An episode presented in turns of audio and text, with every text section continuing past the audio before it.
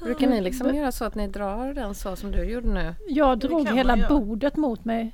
Men det, kan det jag kan inte du. göra för att... Ja, du kan göra Då, det. då, Nej, men det om, det ni måste där. skjuta båda Händer det borden någonting? så. Nej, Nej, om nej, nej, jag kan inte skjuta bordet. Nej, men jag Om, kan, jag, kan om skjuta du den här. håller i dina böcker lite Men så här, men så Så här. att de, för att jag ja. behöver dra detta Du, bordet ska, lite. jag håller i dem. Här. För Ja, man skulle då så. sitta så här jättenära då va? Ja, vi ska vara nära. på mig. Oj, funkar, Ja, nu det? lyssnar jag på dig Lotta. Mm, hur funkar jag? Funkar jag bra? Ska jag prata högre? Ska jag Du- vara närmare? Du ska vara lite närmare tycker jag. lite närmare. Så här då. Ja, det blir jättebra. Nu tror jag att vi är bra allihopa. Mm. Då ska vi köra igång eh, vår lilla Strax. signatur. Är vi redo för det? Är vi redo för en signatur? Jag är. Ja, svar ja. Ja, då kör vi.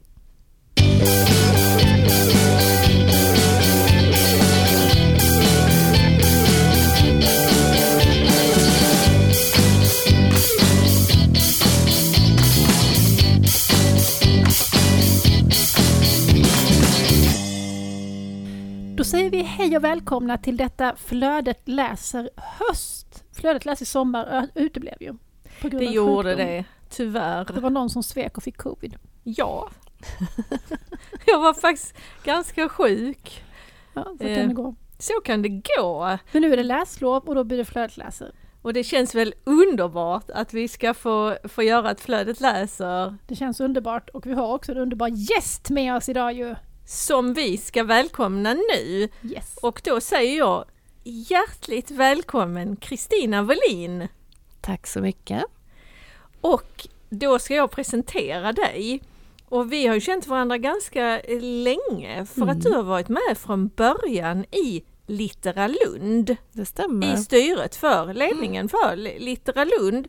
Och för er som eh, fortfarande inte vet vad Littera Lund är så kan vi väl berätta att det är en barn och ungdomslitteraturfestival Precis. eh, som, som, som riktar sig till eh, barn och ungdomar i Lund men det anordnas också eh, en seminariedel som är för yrkesverksamma som jobbar med barn och ungdomar och litteratur.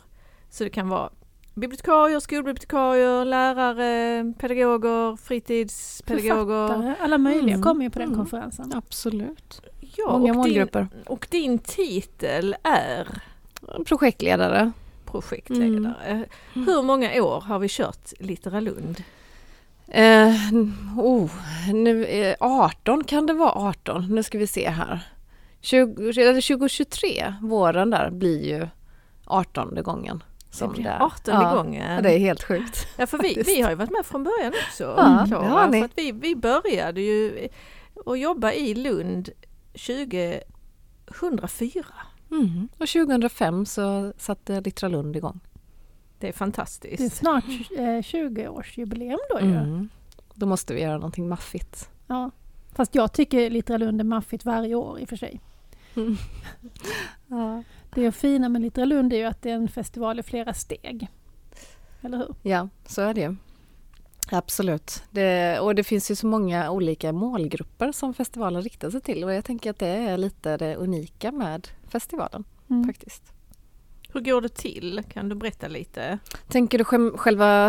Du kan berätta om de olika delarna och hur det går till. Mm, hur festivalen är uppbyggd. Ja, Eh, då är det ju sex dagar som vi håller på totalt. Och vi brukar inleda med en stor barn och familjedag. Med författare, workshops, illustratörer, olika typer av aktiviteter. Ehm, och allting är såklart gratis. eh, och det brukar vara på Stadsbiblioteket och på ett par olika lokaler runt om i stan. Sedan så har vi en, ett skolprogram som pågår under fem dagar, måndag till fredag. Och det, är från, det riktar sig till elever från förskoleklass till och med gymnasiet. Så det är hela spannet där. Och sen har vi ju eh, konferensen då som du nämnde och den eh, är två dagar lång och det är eh, parallella samtal under de här två dagarna. Så ungefär 20 seminarier sammanlagt. Lite längre samtal ofta. 45 minuter eller en timme, ibland ännu längre. Ehm, djupdykningar i olika författarskap och eh, bildvärldar.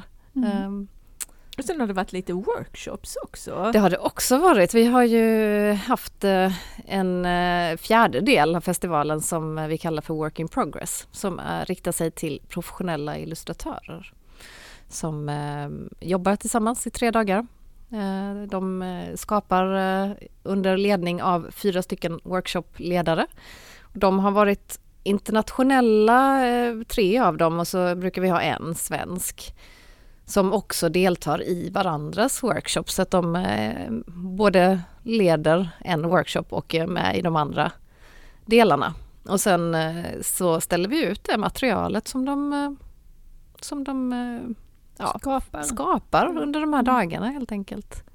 Ehm, det är ett sätt att försöka stimulera och inspirera även den målgruppen som ju är upphovsmakarna själva. Um, och då försöker vi ju se till att man får ansöka om plats då, så försöker vi se till att det blir en blandad grupp som vi tror kommer ha nytta av varandra och verkligen kunna inspirera varandra. Um, och det har varit superlyckat och målet är att vi ska göra det i vår också. Um, men det hänger lite grann på. Det, det är spännande för ni har inte släppt programmet än nej, så vi vet ju inte vilka nej. det blir. Men är du är ju med i programkommittén Klara. Mm, det är sant. Klara har lite inside information. Ja, men, eh, mm. vi, men, och det är inte bara det att vi, inte vill avslöja den men också det att det är långt från klart ännu. Absolut. Vi är mitt i processen nu mm. att bestämma vad det ska bli. Ja. Vi har ju unga kvällen också. Ja, ja det har vi Som är en del av det offentliga programmet men som Precis. riktar sig specifikt till ungdomar, eller hur? Ja, det riktar sig specifikt till ungdomar. Och i eh, våras så hade vi ju 15 stycken gymnasieungdomar som, eh, som jobbade med det här programmet och eh, la programmet och sedan var med och genomförde det. Det var ju väldigt roligt för det var ju mm. elever både härifrån mm. Spiken och från Polhem där jag jobbade Just då det, som precis. var med i det här kulturcrewet. Ja det är nästan så att man misstänker sig. att det var du som rekryterade de här.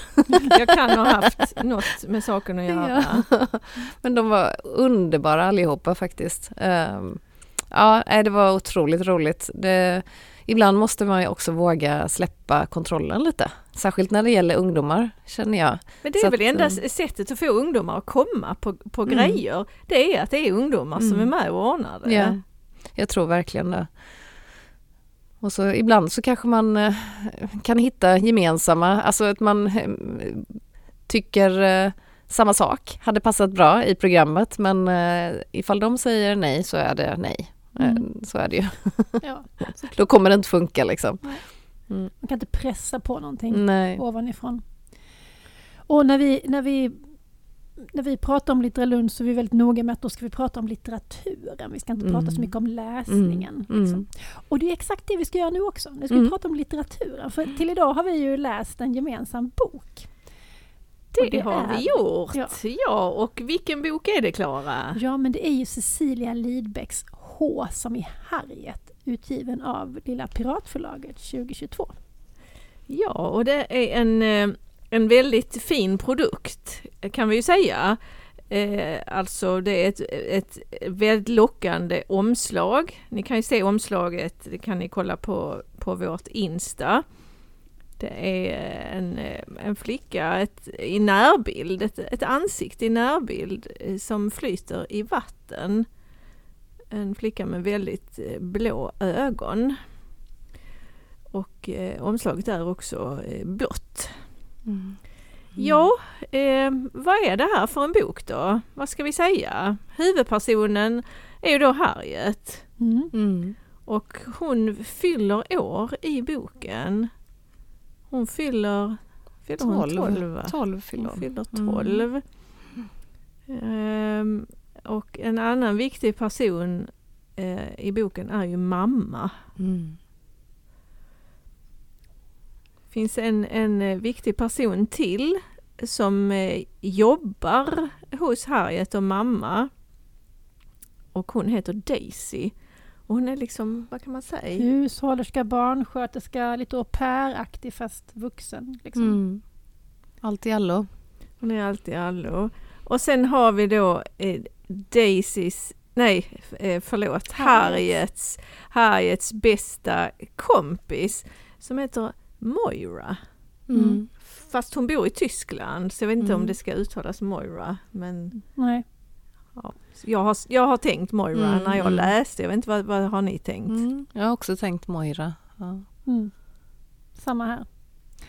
Och Harriet och hennes mamma lever ett ganska speciellt privilegierat liv. De mm. har hus på lite olika ställen i världen som de liksom flackar runt mellan. Eh, och sen deltar Harriet i olika typer av pianotävlingar, internationella pianotävlingar i olika huvudstäder. Och det är där hon har träffat Moira. Mm. För att hon är också en av de här barnen som åker runt och tävlar i piano. Och det verkar som att det är mamma tycker att Harriet är väldigt duktig på att spela piano. Mm. mm. Harriet, eh, hon vet att så duktig är hon inte. Och hon vinner aldrig de där tävlingarna. Och, och mamma tycker alltid att juryn är helt värdelös. Mm, men hon älskar det kanske inte heller riktigt. Eh, Nej, det känns som att hon, hon inte. Nej. hon bara gör det för att mamma vill, tror jag. Ja. Och mamma vill kan. gärna att hon ska spela. För det kommer gäster mm, och så här mm. så ska hon spela. Det är ju någonting oerhört skevt över hela um, förhållandet mellan Harriet och mamma och den här hushållerskan. Mm. Men eh, likväl, det, det, är ju jag som har föreslagit att vi skulle prata om den här boken. Och anledningen till att jag tycker så mycket om den, det är ju den här stämningen som Cecilia Lidbeck lyckas skapa. Mm. Jag tycker det är helt mm. fantastiskt, man verkligen känner mm. hur det är där. De här, de är i huset, det här huset i någonstans, är det södra Frankrike? Va? Mm, ja. någonstans. Och hettan och hur de är där och de här lite planlösa vegeterande dagarna. Och, ja. Mm. Och sen ma mamma som då, man får aldrig veta vad mamma jobbar med. Nej. Men rätt för det så, så, behöver hon åka till Schweiz på ett mm. par dagar mm. och, och sen behöver hon göra någonting annat. Och... Hon är väldigt mystisk, man får inte riktigt grepp om henne, vem hon är. Och, och Harriet är ju ensam. Hon är mm. verkligen ensam. Det, det, är ju en, det är en, en, en väldig ensamhet som ekar mellan de här tjusiga väggarna mm. i deras olika fashionabla hus. De har ju chaufför också mm. eh, när de är ute och åker. Ja, ska vi säga någonting om Daisy? Daisy är ju eh, Harriets fasta punkt egentligen lite mer än vad mamman är, eller? Mm. Ja, och hon är ju en eh, hon verkar ju vara en ganska rolig men rak person och eh, jag tror att det är väl därför också Harriet eh, tycker så mycket om henne för att hon, eh, det är liksom inget skitsnack med henne utan hon, hon det man ser det får man mm. ungefär. Mm. Hon, hon, har ett smeknamn på Harriet, vad kallar henne Misse? Mm. Visste hon det? Mm. Ja. Ja, och sen finns det ett mysterium gömt i allt det här såklart. Ja. Och som det egentligen läggs bollen upp redan i första, är det inte så redan i första kapitlet va? Ja det är väl då det här skåpet kommer in där någonstans va? Skåpet ja. Mm. Mm. Ja, för det är så här att mamma har sönderbrända händer. Mm.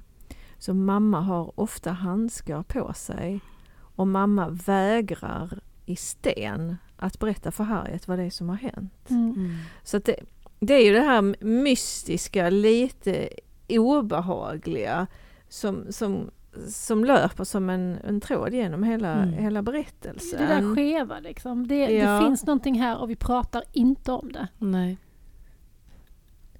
Det är ju någonting som Cecilia Lidbeck är, är duktig på att bygga upp. De här mm. skeva, mm. obehagliga stämningarna. Jag tänker på den här förra boken familjen heter den va? Precis. Ja. Det är samma sak där.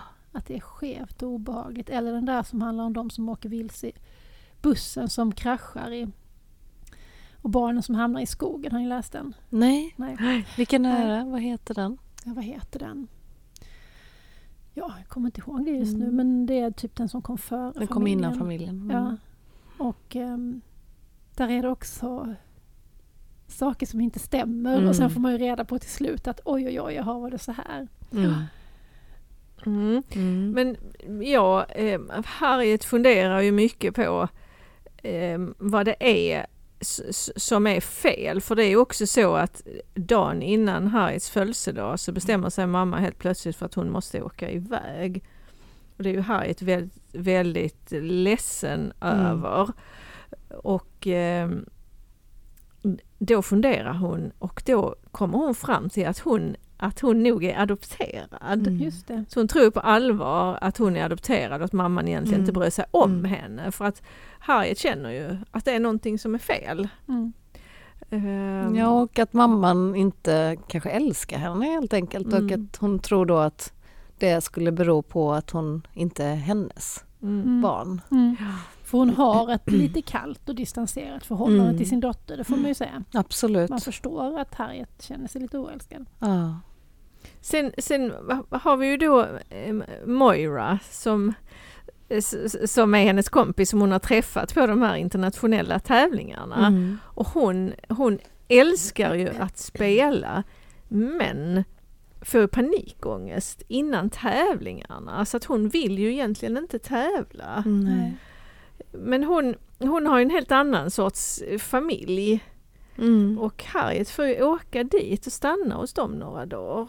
Mm. Så då får hon ju vara, uppleva hur det, hur, hur det kan vara på ett helt annat sätt i en mm. familj. Mm. För den familjen har ju prispengarna en viss betydelse. Det är därför det är viktigt för den familjen att Moira ska mm. tävla. Ja, mm. för de har ju inte alls den ekonomin som Harriet och mamma mm. Eh, har. Nej. Men sen händer det ju en olycka. Mm.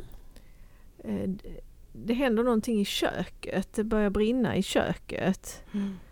Eh, Daisy lämnar mm. spisen mm. bara en liten, liten stund. Mm.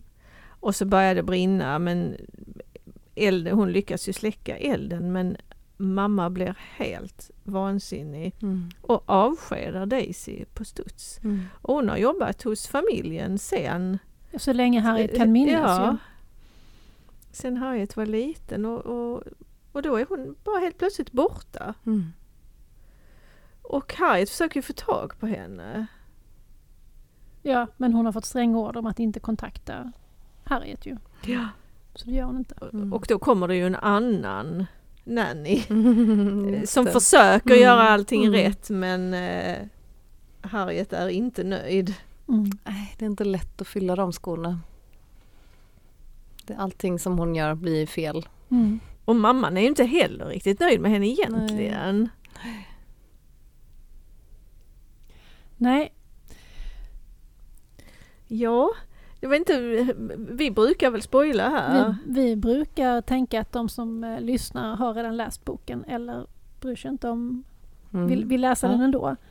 Och annars om, om, om ni inte vill veta eh, vad det är som är chef till den här familjen så kan ni pausa nu, gå och låna boken på biblioteket, läsa den och sen tar ni upp lyssningen. Mm. Eller hur? Ja. Ska vi köra lite jingel här?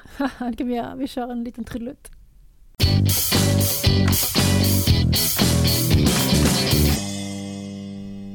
Ja, välkomna tillbaka. Ja, vad är det, vad är det Kristina som är, som är det, det skeva i den här boken? Är hon adopterad? Hon är inte adopterad, men det visar sig ju att hon har haft en stora syster som eh, dog när hon var 11. Alltså in, så att just det, det, det är det som är själva anledningen till då att den här 12-årsdagen blir så laddad mm. för mamman.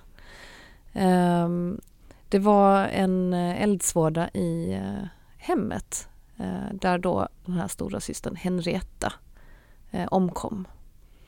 Och mamman och pappan då till Henrietta var inte hemma och mamman försöker ju då springa in och rädda sitt barn men lyckas inte. Och det är också så hon får de här brännskadorna på händerna.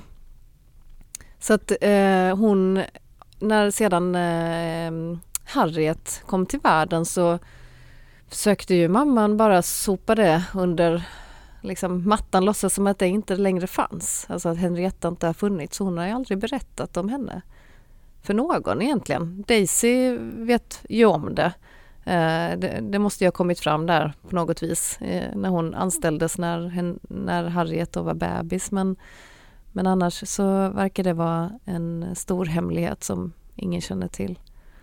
Hon har på något vis försökt få Harriet att ersätta Henrietta ja. och bli liksom samma barn. Så alla de här skevheterna är att Alltså det känns som att mamman har svårt att hålla isär de här två mm. döttrarna. Hon tror nästan att de är en och samma. Mm, hon blandar ihop och det är också så lite grann som läsaren får liksom kan börja nysta i vad det är som har hänt för att hon, hon kan ju säga saker som eh, uppenbart inte har hänt, som inte Harriet minns från sin barndom. Och det är väl där som man som läsare börjar tänka att hmm, vad, kan det vara så att det är någon annan hon pratar om? Mm. Mm.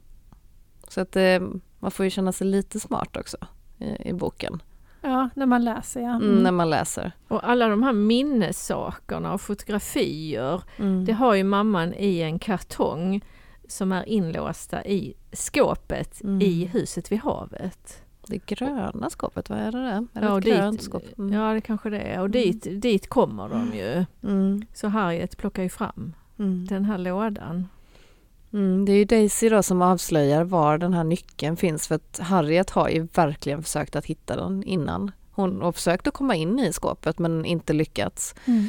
Men eh, Daisy tycker till slut så synd om Harriet att hon eh, berättar var hon kan hitta den här nyckeln.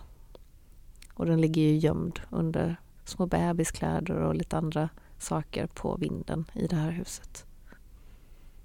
För att Daisy förstår att det här är inte hållbart. Nej. Harriet måste få veta. Mm. De här lögnerna förstör ju för henne så himla mycket. Mm.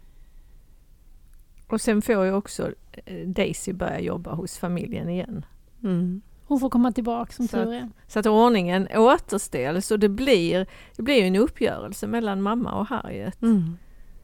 Som, eh, som är eh, till det goda, får vi ju säga. Mm. Jaha, var ni lika förtjusta i den här boken som jag var? Ja, jag tyckte den var mycket, mycket bra. Mm. Ja, jag håller med. Det är, en, det är verkligen en jättebra bok med ett eh, alldeles eh, fantastiskt driv. Mm.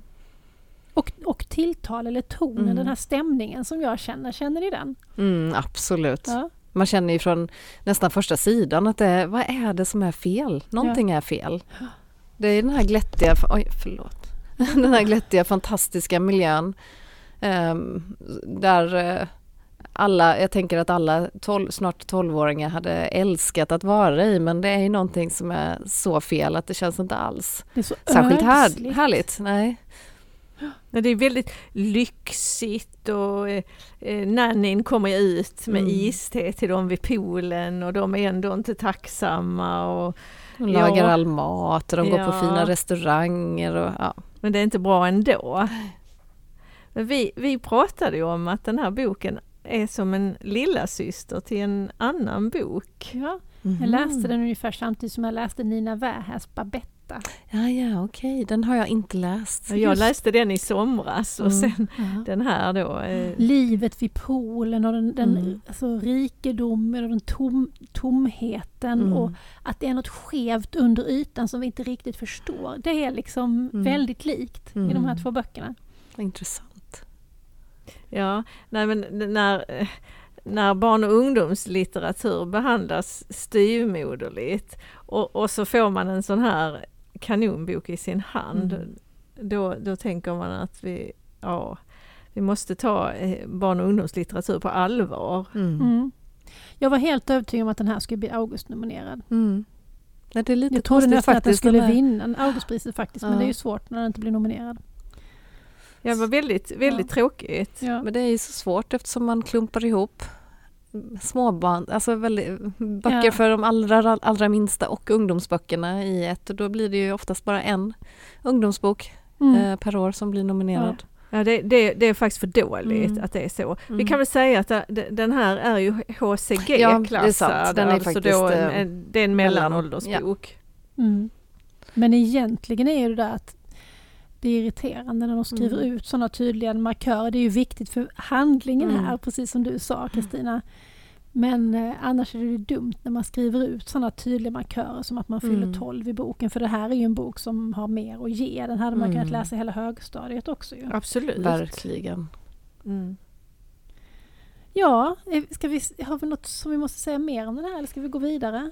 Nej, vi kan väl bara säga att eh, om ni inte har läst den här boken så kan vi bara gratulera er att ni har fantastisk läsning framför er. Ja, ja då ska gästen Alltså Kristina får presentera sin bok och du har valt?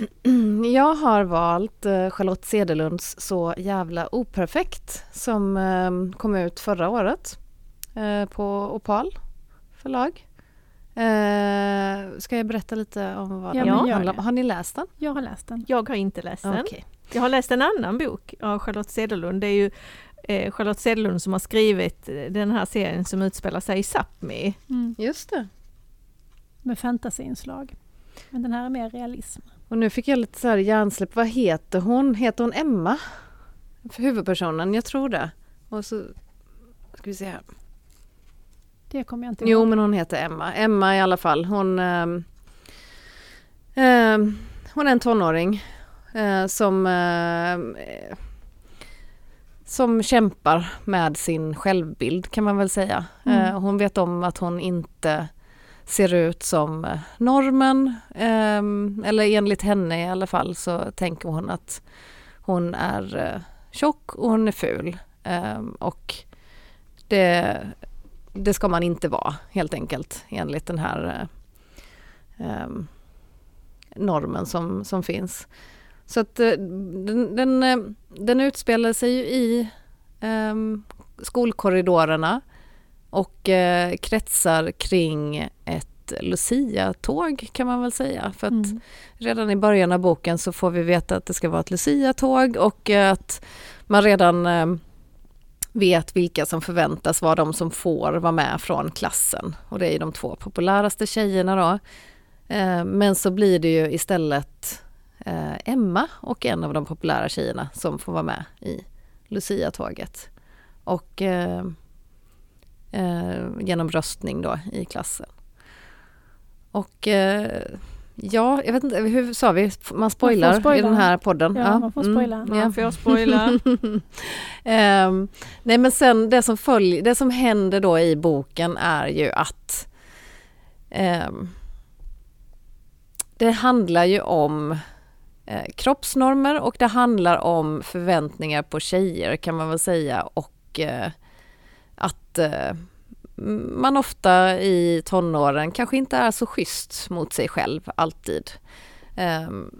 Eller mot varandra. Eller mot varandra för den delen. Eh, och i den här boken så dyker det ju då upp eh, lappar plötsligt här och där på skolan i eh, en bok som Emma lånar och på spegeln i badhuset och på en massa andra platser så dyker det upp små lappar där det kanske står Du är bra som du är eller Du är fantastisk. Mm. Olika peppande lappar helt enkelt.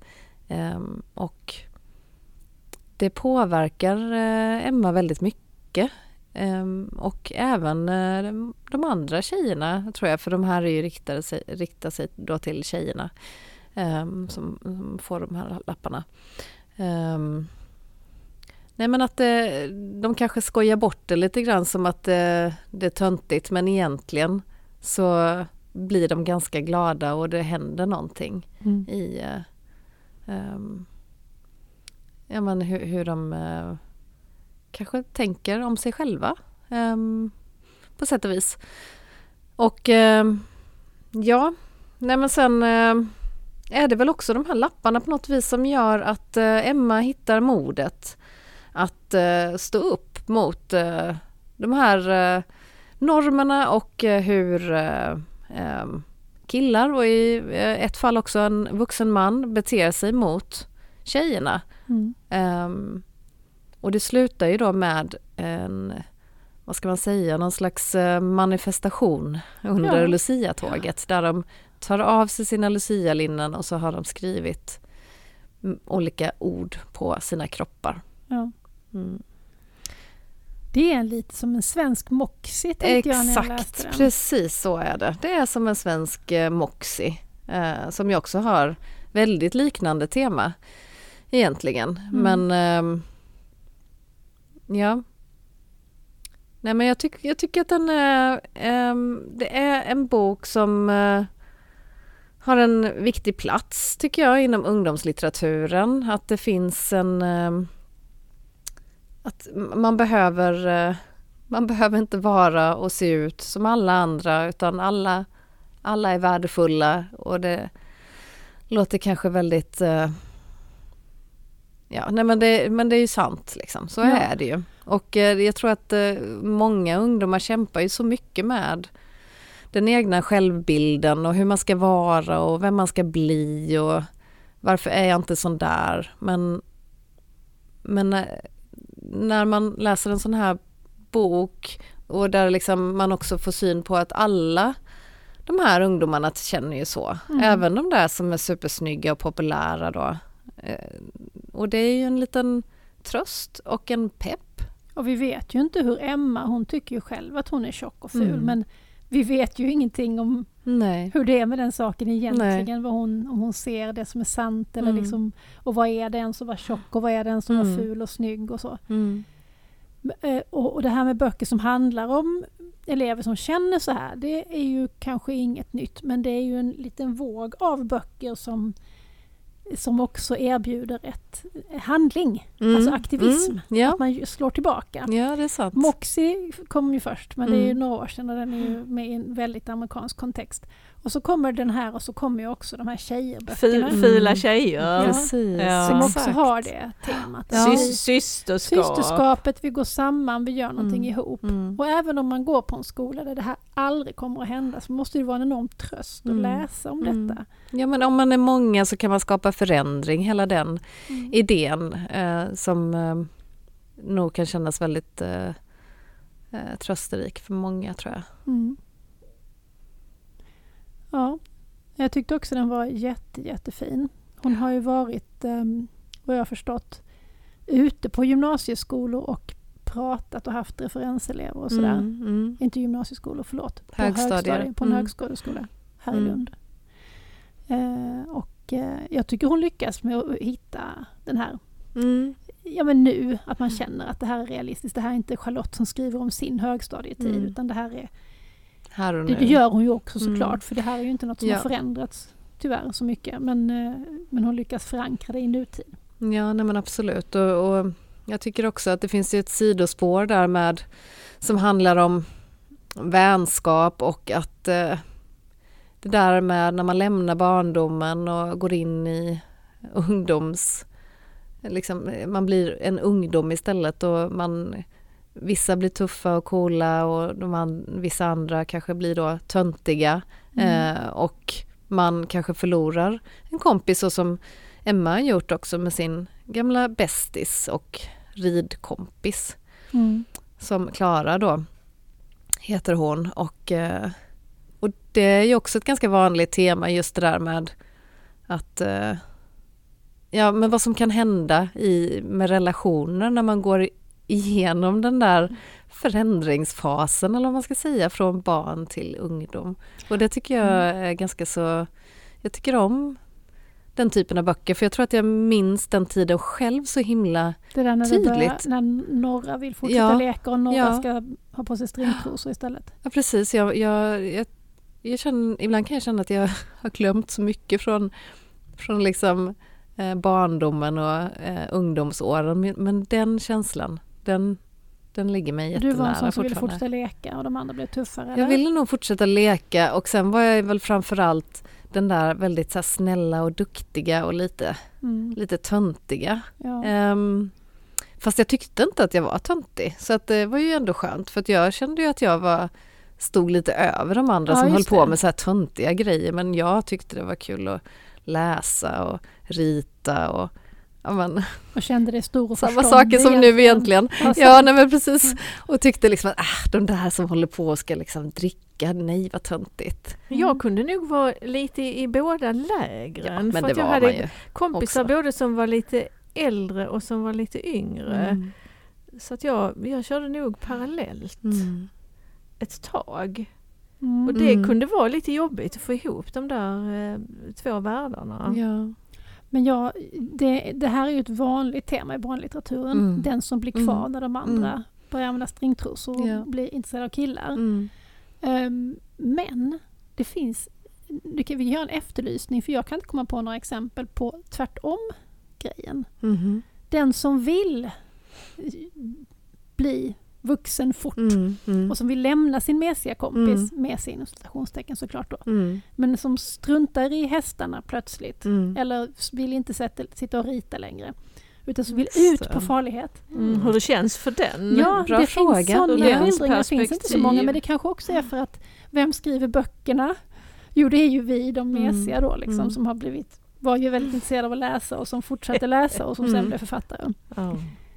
Fast jag Men, vet och, inte, jag var nog faktiskt också in, lite mer en sån som hittade på bus och blev ja, stor snabbt. Fast på, på, ytan var jag en sån väldigt duktig flicka så jag ja. kom undan med det mesta.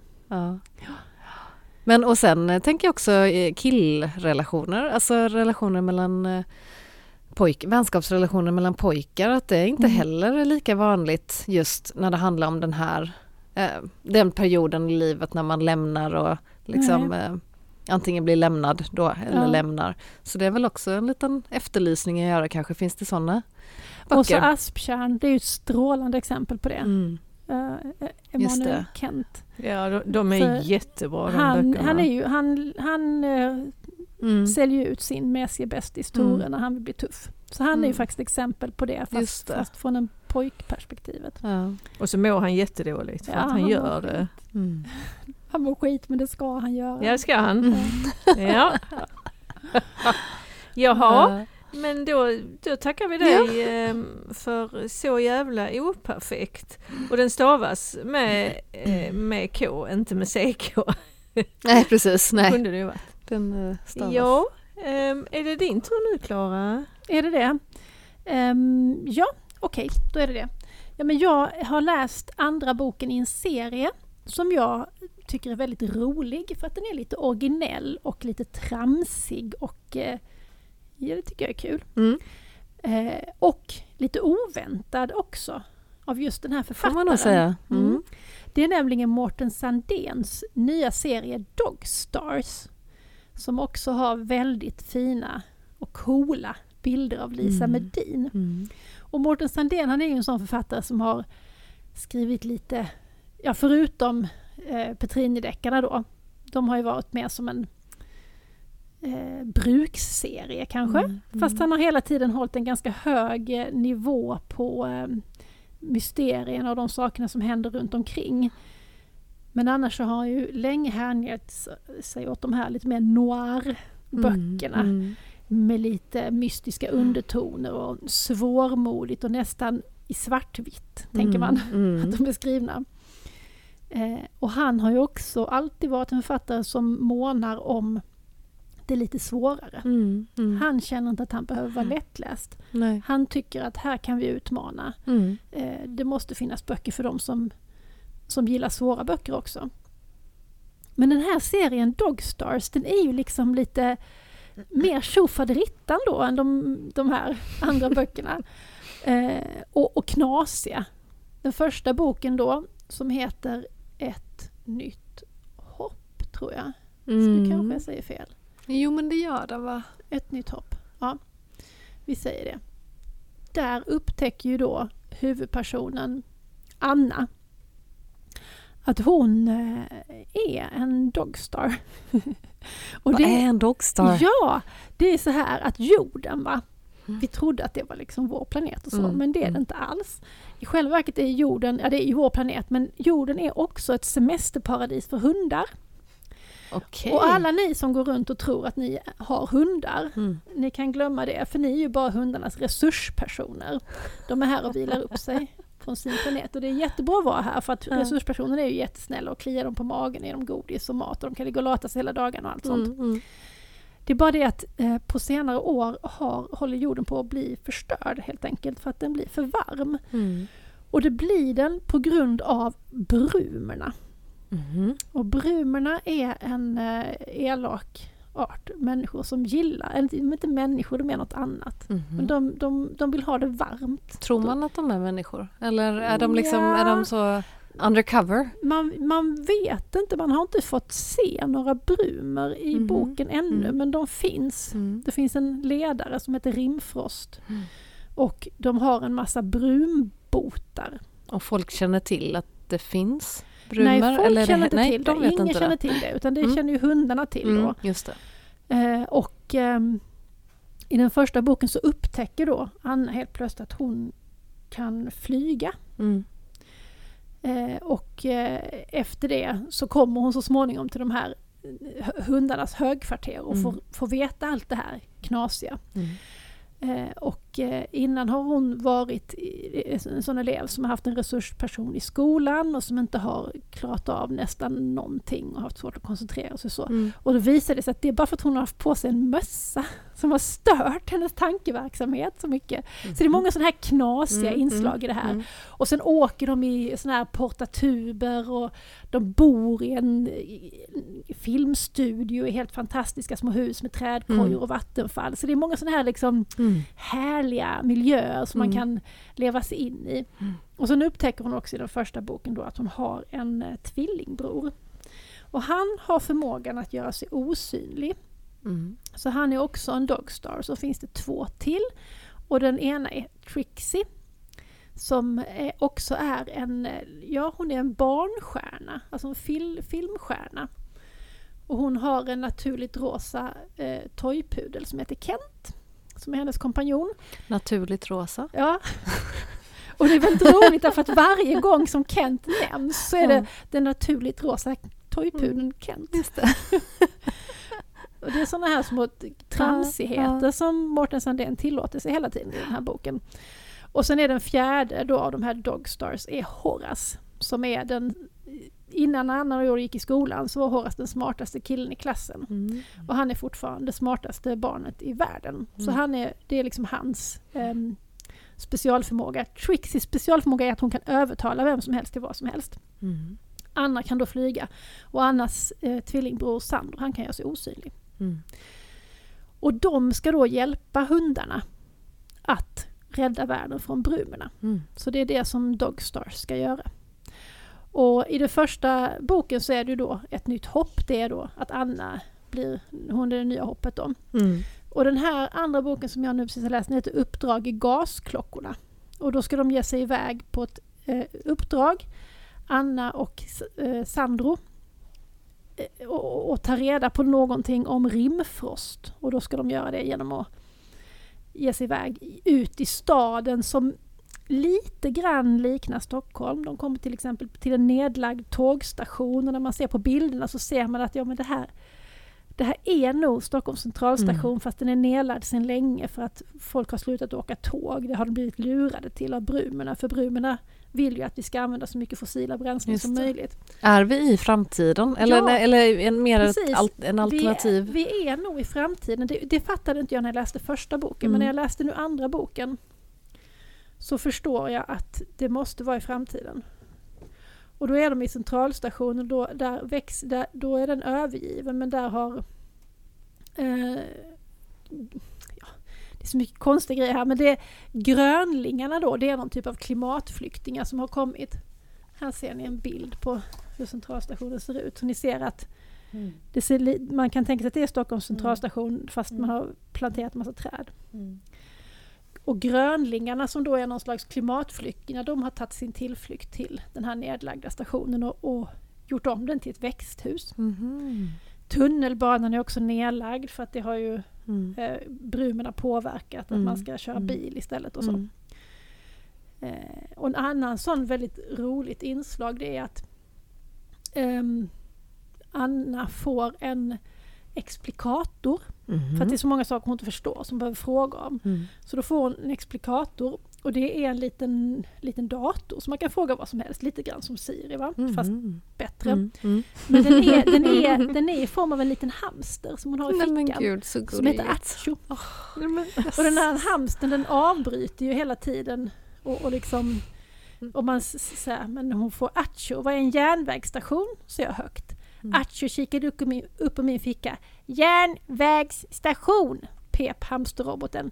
Det var som en stor hållplats för tågen när det fortfarande fanns tåg. Ja. Mm. Och så, men det kan även vara när de pratar om något helt annat och hon bara råkar säga någonting så ska Acho förklara. Mm. Så Acho lägger sig i ibland även fast Precis som eh, hon Siri gör, du vet när man råkar. Helt plötsligt så vaknar mm. Siri och, och säger Det är ju helt oombedd. Ja, helt oombedd. Mm. Ja. Och sen då är det ju en ganska svår, ibland är det ju, och det är en fiffig grej också, för ibland är det ganska svåra saker i mm. den här mm. boken, men då mm. kan Acho alltid komma in och förklara. Mm. Så att, Listigt grepp! Ja, så han har verkligen inte övergett det här med komplicerade saker och Nej. svåra ord mm. och sådana här saker. Det har han inte övergett. Men han har liksom packat in det i en ganska, eller väldigt lekfull och ganska tramsig kontext. Mm. Vilket är kul. Jag gillar ju trams, så det är, jag tycker det här är jätteroligt. Och att det är, det är färgglada fina omslag och, och tjusiga illustrationer. Mm. Kan, kan, det bli sådär då att folk eh, gör litteraturturism så att man åker till Stockholm och går runt och vallfärdar till de här olika ställena som det blev med Petrini-deckarna och, och, med Mariefred. Jag tror mm. inte riktigt det, jag tror det är för olikt. Okay. För de är mm. på centralstationen, de åker tunnelbana. Mm. Men sen um, besöker de gasklockorna. Mm -hmm. Och det mhm. fattar man inte alls vad det är för Nej. någonting. Jag kan inte riktigt finna någon motsvarighet till det i Nej. dagens Stockholm. Mm. Men det ska komma fortsättning på denna. Till våren kommer Dogstars Operation Rimfrost. Mm. Och sen, ja, till, så nästa år kommer slaget om Tropolis. Så åtminstone två böcker till är mm, planerade. Mm och det kanske är fler, jag vet inte. Men de, de är ju väldigt eh, sammanhållna. Varje bok utspelar sig bara under en enda dag. Mm. Aha, liksom, oj, okej. Okay. Det, det, är action. Det händer mycket, mycket, ja. men det är bara en dag. Så det, och, ja. Hur mycket bilder är det då? Är det sådär eh, varannan sida någonting eller? Nej, ja, inte riktigt. Lite. Tre, var tredje, varannan. Mm. Mm. Ja, faktiskt, men nästan varannan skulle jag säga. Men vad säger du, är det en högläsningsbok eller är den, ska man den läsa den själv? faktiskt funka jättebra som vilket som. Mm. Är, den, är den klassad som, det som är HCG? HCG ja. Mm. Mm. Så att eh, ja, vi, ja, jag ville helt enkelt slå ett slag för Dogstars för jag tycker de Roligt. är, är roliga mm. och jag tycker det är kul när det kommer någon bok som är lite annorlunda, något som mm. bara är något helt annat, mm. ett infall. Liksom. Så du vilket förlag? Nej, det sa jag inte tror jag, men det är Bonnier Carlsen. Ja. Det är roligt också tycker jag eh, när det är en författare som man kanske har en bild av hur, hur mm. de skriver eller vilken typ av böcker de skriver och så gör de någonting helt annat. Precis. För det här är ju kanske tillbaka till lite grann som Petrinideckarna mm. fast det här är extra allt. Mm. Så roligt! Mm. Man blir så nyfiken på liksom vad som händer i hans huvud. Ja exakt, vad händer? Vaknar Mårten en dag och sa att nej nu, jag vill göra någonting helt annat. Nu ska jag bara leka. Jag tror att han har besjälats av en tanke på att göra någonting för att skapa medvetenhet om klimatet. Mm. Men samtidigt absolut inte vill göra det på ett tråkigt sätt. Nej. Um, nej men det verkar han ju lyckas med, det har med de här böckerna. Med. Ja. Mm. Kul. Och det är också det där att det är ju inte människorna som har gjort fel här, mm. utan mm. det är brumerna som mm. har lurat dem, in, liksom, in dem på det här spåret. Mm. Ja. Mm. ja, så ni får väl läsa den. ja, enkelt. absolut. Ja, det ska vi absolut göra. Vi pratade om Augustpriset innan ju Lotta, du har kikat på nomineringarna. Ja, jag kikade på vilka barn och ungdomsböcker som var nominerade och sen så kastade jag mig eh, in i, i katalogen, alltså i bibliotekskatalogen och beställde det som gick att beställa. Och då hann jag få ett exemplar av Marie Norin och Elisabeth Erikssons bok Bettan som har kommit ut på Alfabeta förlag. Och här pratar vi om en, eh, en bilderbok. Mm. Mm. Alltså en barnbok som är eh, illustrerad i väldigt eh, vackra bilder. Färgmättade helsidesillustrationer. Ja, det är några, några uppslag som är väldigt, väldigt fina. Mm. Och det är då en jag-berättare, en, ehm, en kvinna som bor i, ser ut som en liten sommarstuga vid en sjö och det är berg och det är skog. Lite norrländsk. Ja, och där sitter hon eh, vid ett bord och en dag så, eh, så knackar det på dörren eh, och då kommer Bettan och hennes bil har gått sönder och hon, hon får komma in, de har aldrig träffat innan, träffat, träffats innan Eh, Eh, och hon får komma in och de dricker kaffe ihop.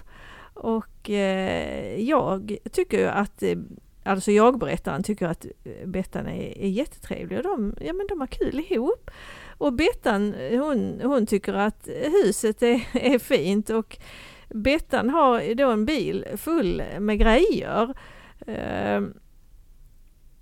Och hon, men hon, hon blir inbjuden där eh, och eh, de lagar mat tillsammans, eller Bettan lagar mat. Eh, hon kunde sno ihop av nästan ingenting. Åh vad gott det blev! Och sen blev det natt och Bettan sov över. Och eh, ja, och sen så börjar Bettan plocka in eh, grejer i huset från eh, sin bil. Eh, och sen så sover hon över igen och då ligger jag på en madrass på golvet och Bettan eh, ligger i sängen. Och då kan jag, kan jag berätta också att Bettan har stort lockigt rött hår, röda eh, tuffa boots och en jacka med fransar. Och jag ser lite mer färglös och vanlig Grå, ut. Beige. Ja, lite gråbeige sådär. Men till sist så, så blir det så att hela huset är överfullt av Bettans grejer och Bettan har också tagit dit en herrelös hund. Och då har det varit vinter och sen så blir det vår och, och, och Bettan är kvar och till sist så, så får jag inte plats. Det är ett väldigt vackert uppslag där, där jag och Jycken har gått ut och lagt sig utomhus i hästhagen.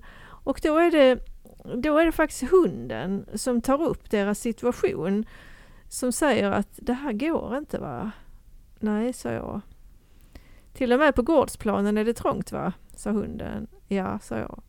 Det är saker överallt va? sa hunden. Ja, sa jag. Och sen mm. får jag kraft någonstans ifrån när det kommer en, en sändning med trädgårdsmöbler och trädgårdskonst som eh, Bettan har beställt. Då, då får jag nog och bestämmer att eh, Bettan inte får ta in fler grejer. Det är en bild på henne där hon ser förfärligt arg ut, ja. riktigt otäck bild. Ja. Och håller upp eh, handflatorna. Mm. Stopp! Det är inget lågaffektivt över den bilden. Nej, det är det inte. Och sen eh, den här eh, lastbilschauffören den behövde ändå eh, låna toaletten och, och, få en kopp kaffe. Och då visade det sig att det, det finns ju plats i, i lastbilen för Bettans grejer så att då lastas alla sakerna ut. Och, och till sist så, så hakar de på bilen där med en boxerlina.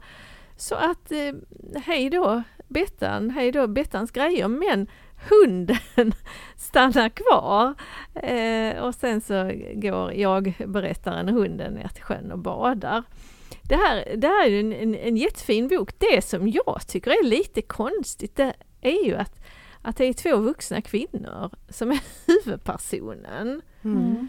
Sen tro, tror jag ju absolut att, att, att man kan översätta eh, den här historien till, till barn som mm. blir kompisar och där en tar över och, och det blir ojämlikt mm. eh, i relationen. Men det är ganska ovanligt. Jag tänker för nu sitter vi och säger att ja, vi barn, alla måste läsa Harriet, alla kan läsa om barn. Kanske mm. omvänt, liksom att alla kan läsa om vuxna också. Men det är ju två liksom... Det är två tanter. tanter. Mm. Jag tänker på den här andra bilderboken Och vad heter den? Alltså den som handlar om vuxna.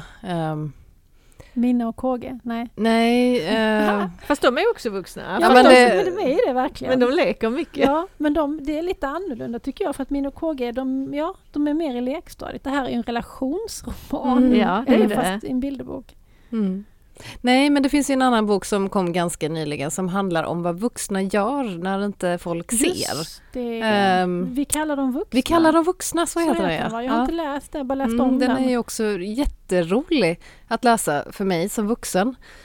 Men du, där finns det väl liksom ett mm. barnperspektiv i den? Jo, men det är det ju. De är tokiga liksom också. Ja. Vuxna är tokiga. Typ så är ju ändå för det är kanske det eller de är också, De har också i... samma känslor som barn har eller som du har. I den här boken finns det väl inte direkt ett barnperspektiv? Mm. Men kanske är som du sa då Lotta, att man ska känna igen sig på något vis när någon, en kompis kommer och tar över. Att det är det som är eller att man ska känna, för alla barn har säkert varit med om det, någon som bara tar över leken. Mm. Mm, precis. Det blir och att man ska känna att eh, ja, det där kan hända vuxna också. Det kommer mm. att hända i hela livet att någon kommer att mm. ta över. Ja, det blir väldigt tydligt i den bilden eh, där eh, Bettan faktiskt har tagit sängen mm. och jag-berättaren har flyttat ner på golvet. Mm. Um, ja. Så, så det, ja, det finns mycket att, att, ehm, att prata om i den boken och man, man kan titta på bilderna mm. bara och, och utgå från dem. Men ändå, nu har jag ju bara läst den lite slarvigt här mm. en gång. Men ändå, av alla bilderböcker och alla böcker, alla barnböcker som har kommit ut i Sverige under hela det här året. Var det här en av de som skulle Augustnomineras? Jag känner mig tveksam. Ja, det är, det är frågan. Med tanke faktiskt. på hur många fantastiska böcker som har kommit ut så känner jag mig faktiskt tveksam till att just mm. den skulle August-nomineras. August ja, jag har inte hunnit läsa den, men um, ja. Den är också lite, lite stereotyp, för, mm. får man väl säga. Att, att Bettan har allt det här, stort rött lockigt hår, fräcka kläder. Mm. Mm. Lite bystig. Och den ja. andra är mer en tunn filur med platt platt hängande tunt hår mm. Ehm, och hemmastickad jumper. Mm. mm. Så ja, men vi får väl se hur det går. ja, vi får se hur det går. Mm. De andra nomineringarna då, har vi koll på dem? Mm, ja, det är Såret av eh, Emma Adbåge. Jani av eh, Nora Khalil, ja, just debutant. Va? Ja. Eh, Jaga inte oss av Eva Lindström. Mm. Så är det också Vi ska ju bara cykla förbi av ja, Ellen Strömberg. Den har jag läst.